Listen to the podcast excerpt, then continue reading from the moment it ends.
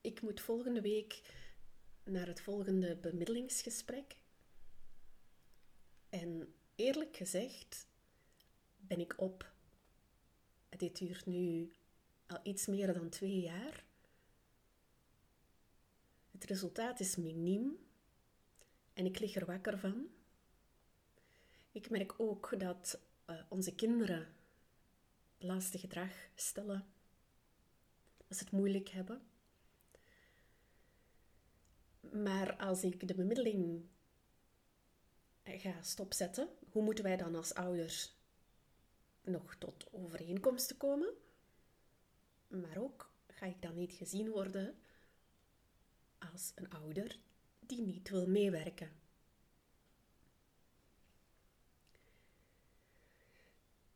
Deze vraag krijg ik met de regelmaat van de klok en is weer heel actueel ook in de Glinster Tribe. Ik had een poll gedaan op Instagram en ik had een poll gedaan op Instagram om te vragen welke thema's zouden jullie graag in een volgende podcastaflevering besproken horen worden. Niet zien worden, want het is hier horen. En deze kwam eruit, deze vraag. Hoe lang blijf je bemiddelen? Dus daar wil ik het met jou over hebben in deze aflevering. Welkom bij de Straffe Ouders na de Scheiding podcast. Eh, de podcast voor ouders in een complexe scheiding. Ouders die op zoek zijn naar manieren om het welzijn van hun kinderen te verhogen. En wij doen dat hier op een aparte manier, omdat ik al enkele jaren dagelijks werk met parallel ouderschap. Met, bij, in het samenwerken met ouders. Voilà. Ik ben Anne en welkom bij deze aflevering.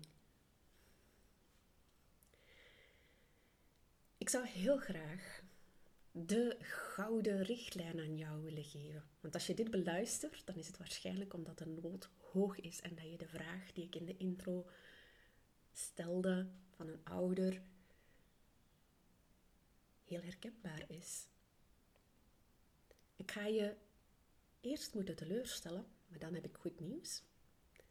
De, de teleurstelling is dat ik niet met één podcastaflevering op afstand, zonder jouw situatie te kennen, kan ik geen taxatie maken van waar jij in zit, van wat er allemaal meespeelt. Een taxatie wil zeggen dat ik een grondige analyse maak en vragen stel. Wat speelt er mee?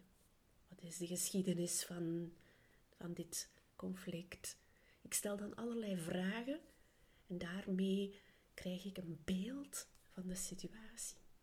En op basis van dat beeld ga ik dan samen met een ouder zoeken naar ingangen. Dus ik kan niet eigenlijk met één podcastaflevering zeggen: nu moet je wel bemiddelen of nu moet je niet bemiddelen.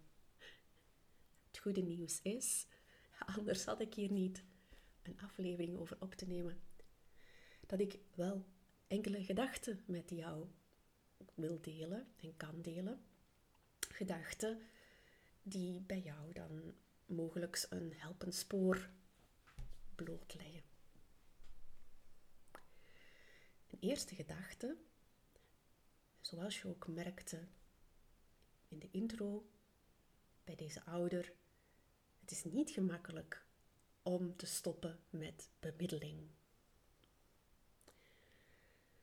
Omdat de druk op bemiddeling hoog is.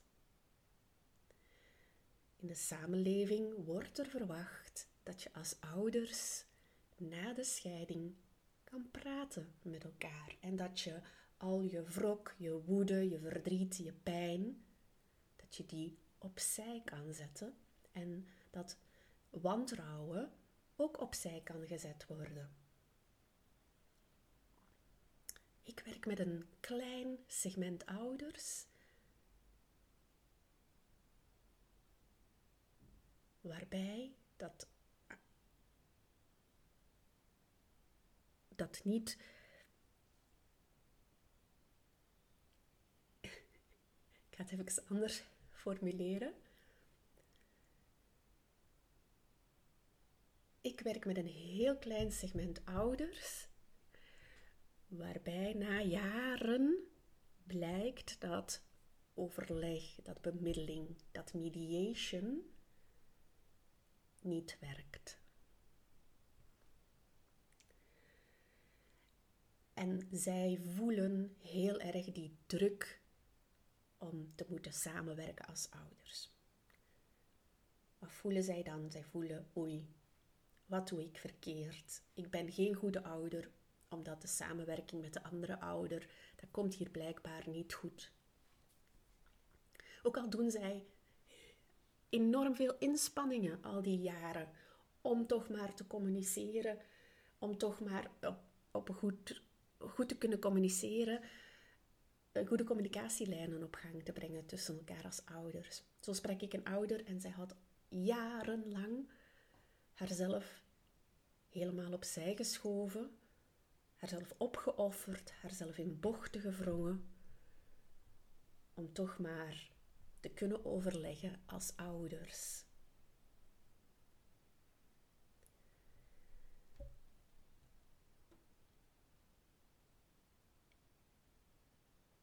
En ik denk dat ik het ook in een van de vorige afleveringen erover sprak. Hoe dat beeld in onze samenleving erg leeft.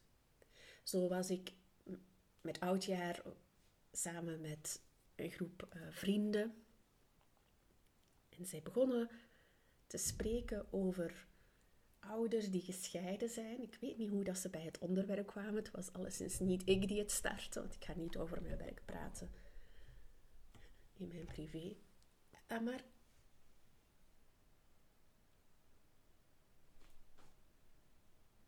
ze zeiden, er was, er was een leerkracht bij en ze zei, ik kan toch niet voor alle ouders apart een oudercontact gaan doen. Waar, waar beginnen we, waar zijn we dan mee bezig?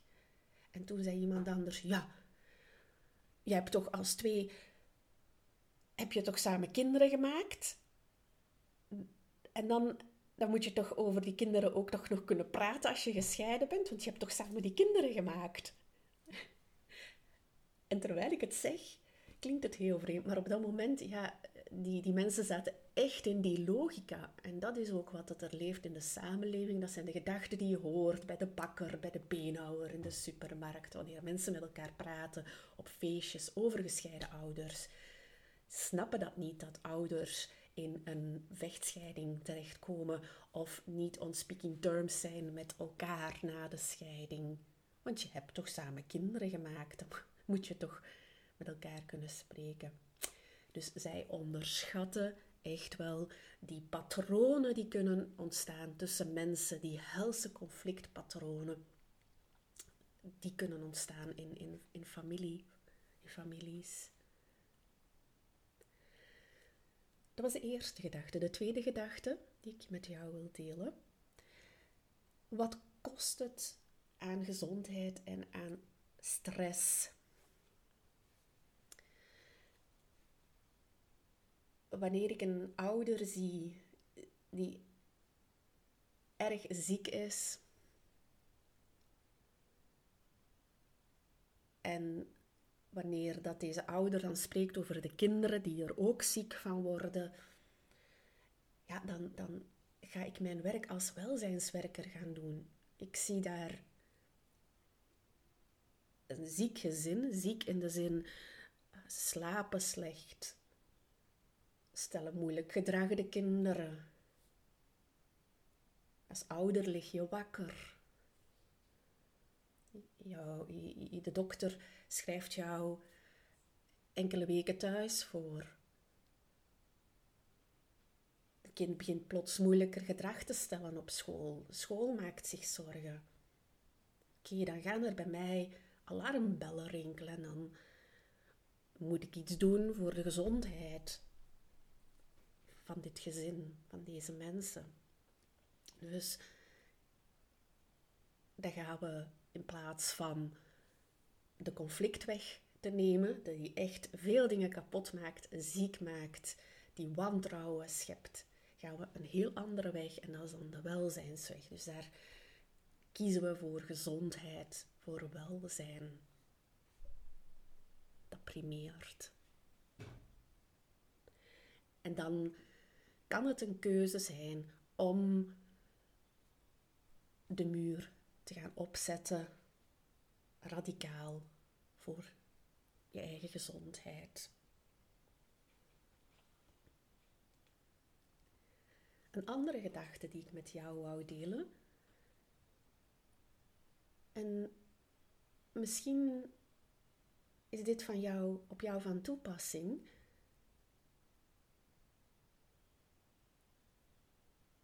Ik werk ook preventief met ouders na de scheiding.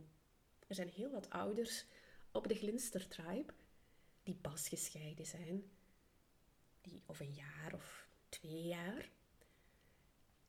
En dan werkt alles wat wij daar doen preventief voor de gezondheid op lange termijn, maar ook op korte termijn. Dus deze ouders merken, hmm, dit is wel een reddingsboei.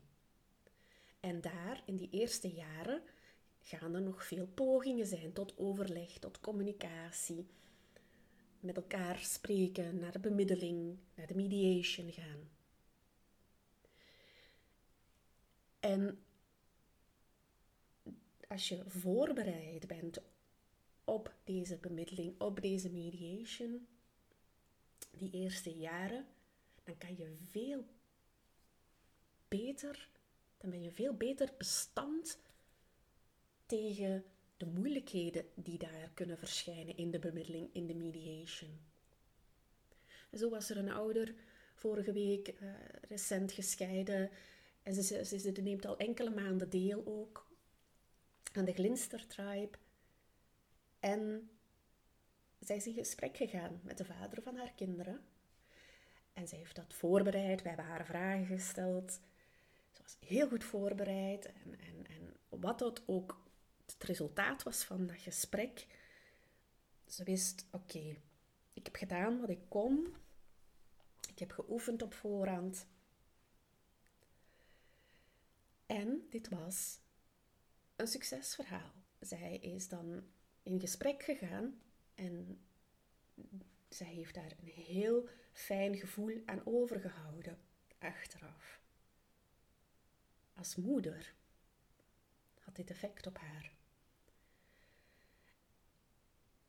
Dus in die eerste jaren kunnen al deze dingen preventief ook gaan werken. Ja, zij volgt een cursus ouderschap bij mij. Hè. Op de Glinster Tribe volg je ook, eh, krijg je ouderschap met de paplepel erbij in.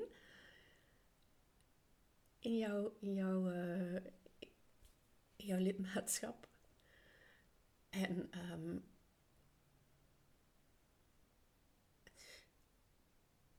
en dat werkt preventief. Dus ik werk ook met heel wat ouders die eerste jaren preventief. En dan is er ook nog, dan zijn er nog veel communicatielijnen. Nog, dan kan je nog heel wat experimenteren die eerste jaren. Wat ik dan wel merk, ik heb geen glazen bol, dus ik kan niet zeggen, oké, dat gaat dat effect hebben. Wat ik merk is dat deze ouders veel steviger staan, veel bewuster tegenover de patronen die zich afspelen, tegenover de, het gedoe in het co-ouderschap. En dan, wanneer er na een aantal jaren toch blijkt, na al die pogingen om dan toch te bemiddelen of te spreken met de andere ouder, wanneer dat dan niet werkt, dan begeleid ik ze om de stap te zetten om helemaal ouderschap te gaan doen. Maar ze kennen het al dan, ze zijn al voorbereid. Dus ze moeten niet plots ineens die structuren gaan leren kennen. Nee, ze kennen de structuren, ze moeten dan alleen veel steviger, veel klaarder, veel helderder gaan neerzetten. Het is gedaan met het experimenteren, met het zoeken in, in de communicatie met de andere ouder. Want zoals in de intro de ouder ook zei, deze ouder zei, ik word er ziek van.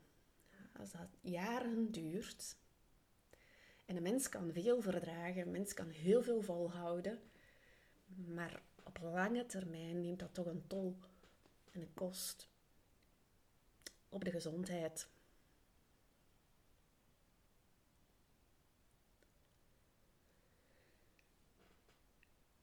Onderzoek wijst ook uit, dus onderzoek van Inge Pasteels van 2018 bevestigt ook deze weg die ik ga met ouders. Wat werkt bij hoogconflictueuze scheidingen? Op basis van dat onderzoek in 2018 heb ik ook de vijf pijlers van Glinster toen gebouwd. En die vijf pijlers zijn als een fundament voor alle ouders bij Glinster. Eerste pijler is jouw stevigheid. En het gaat over jouw gezondheid. Het gaat ook over de vaardigheden om met conflict om te gaan. Die oefenen we daar in de eerste pijler. De tweede pijler gaan we paralouderschap gaan leren doen. Heel goed. De derde pijler. Ondersteun ik ouders om rechtstreeks te spreken met hun kinderen, ook over lastige dingen, ook over moeilijke dingen. Om op die een spannende plek te komen met hun kinderen.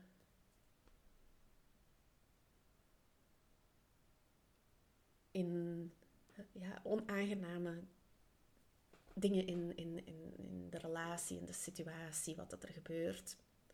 Bijvoorbeeld je kind liegt tegen jou. Ja, ga je dat zomaar laten passeren? Ga je dat op de andere ouder steken? Ga je, ik leer ouders om dan effectief het gesprek met je eigen kind aan te gaan. Wanneer je merkt dat jouw kind liegt of iets zegt over jou dat niet waar is. De vierde pijler, dan gaan we nog echt dieper in op dat omgaan met conflict. Daar ontwikkel je vaardigheden waardoor dat, dat ouderschap voor jou gaat werken. En dan in de laatste pijler, ja, daar, daar oefenen we in het communiceren van ouderschap, in het spreken over wat dat je doet als ouder voor het welzijn van jouw kinderen. Zonder het woord ouderschap. Dus dan leer ik ouders echt om gewoon te doen wat ze zeggen en te zeggen wat dat ze doen naar hun supporters, omdat niemand dit alleen kan.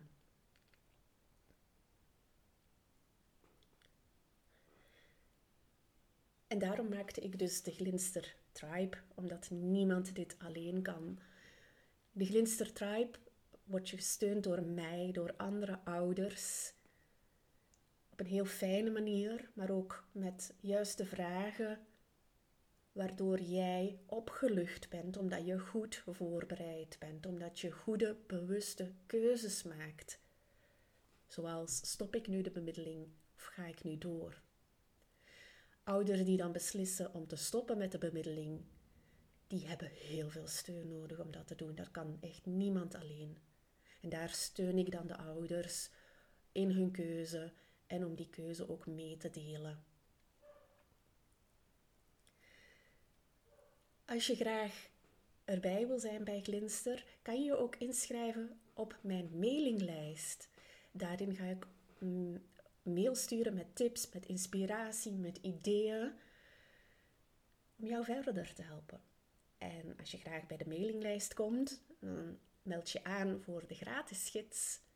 Is rust mogelijk bij moeilijk co-ouderschap? En deze gratis gids kan je aanvragen op www.glinster.co gids. En daar vul je jouw e-mailadres in en dan ontvang je als bonus gratis gids. En dan ben je ook op mijn mailinglijst en die is ook helemaal gratis, vol met tips en inspiratie.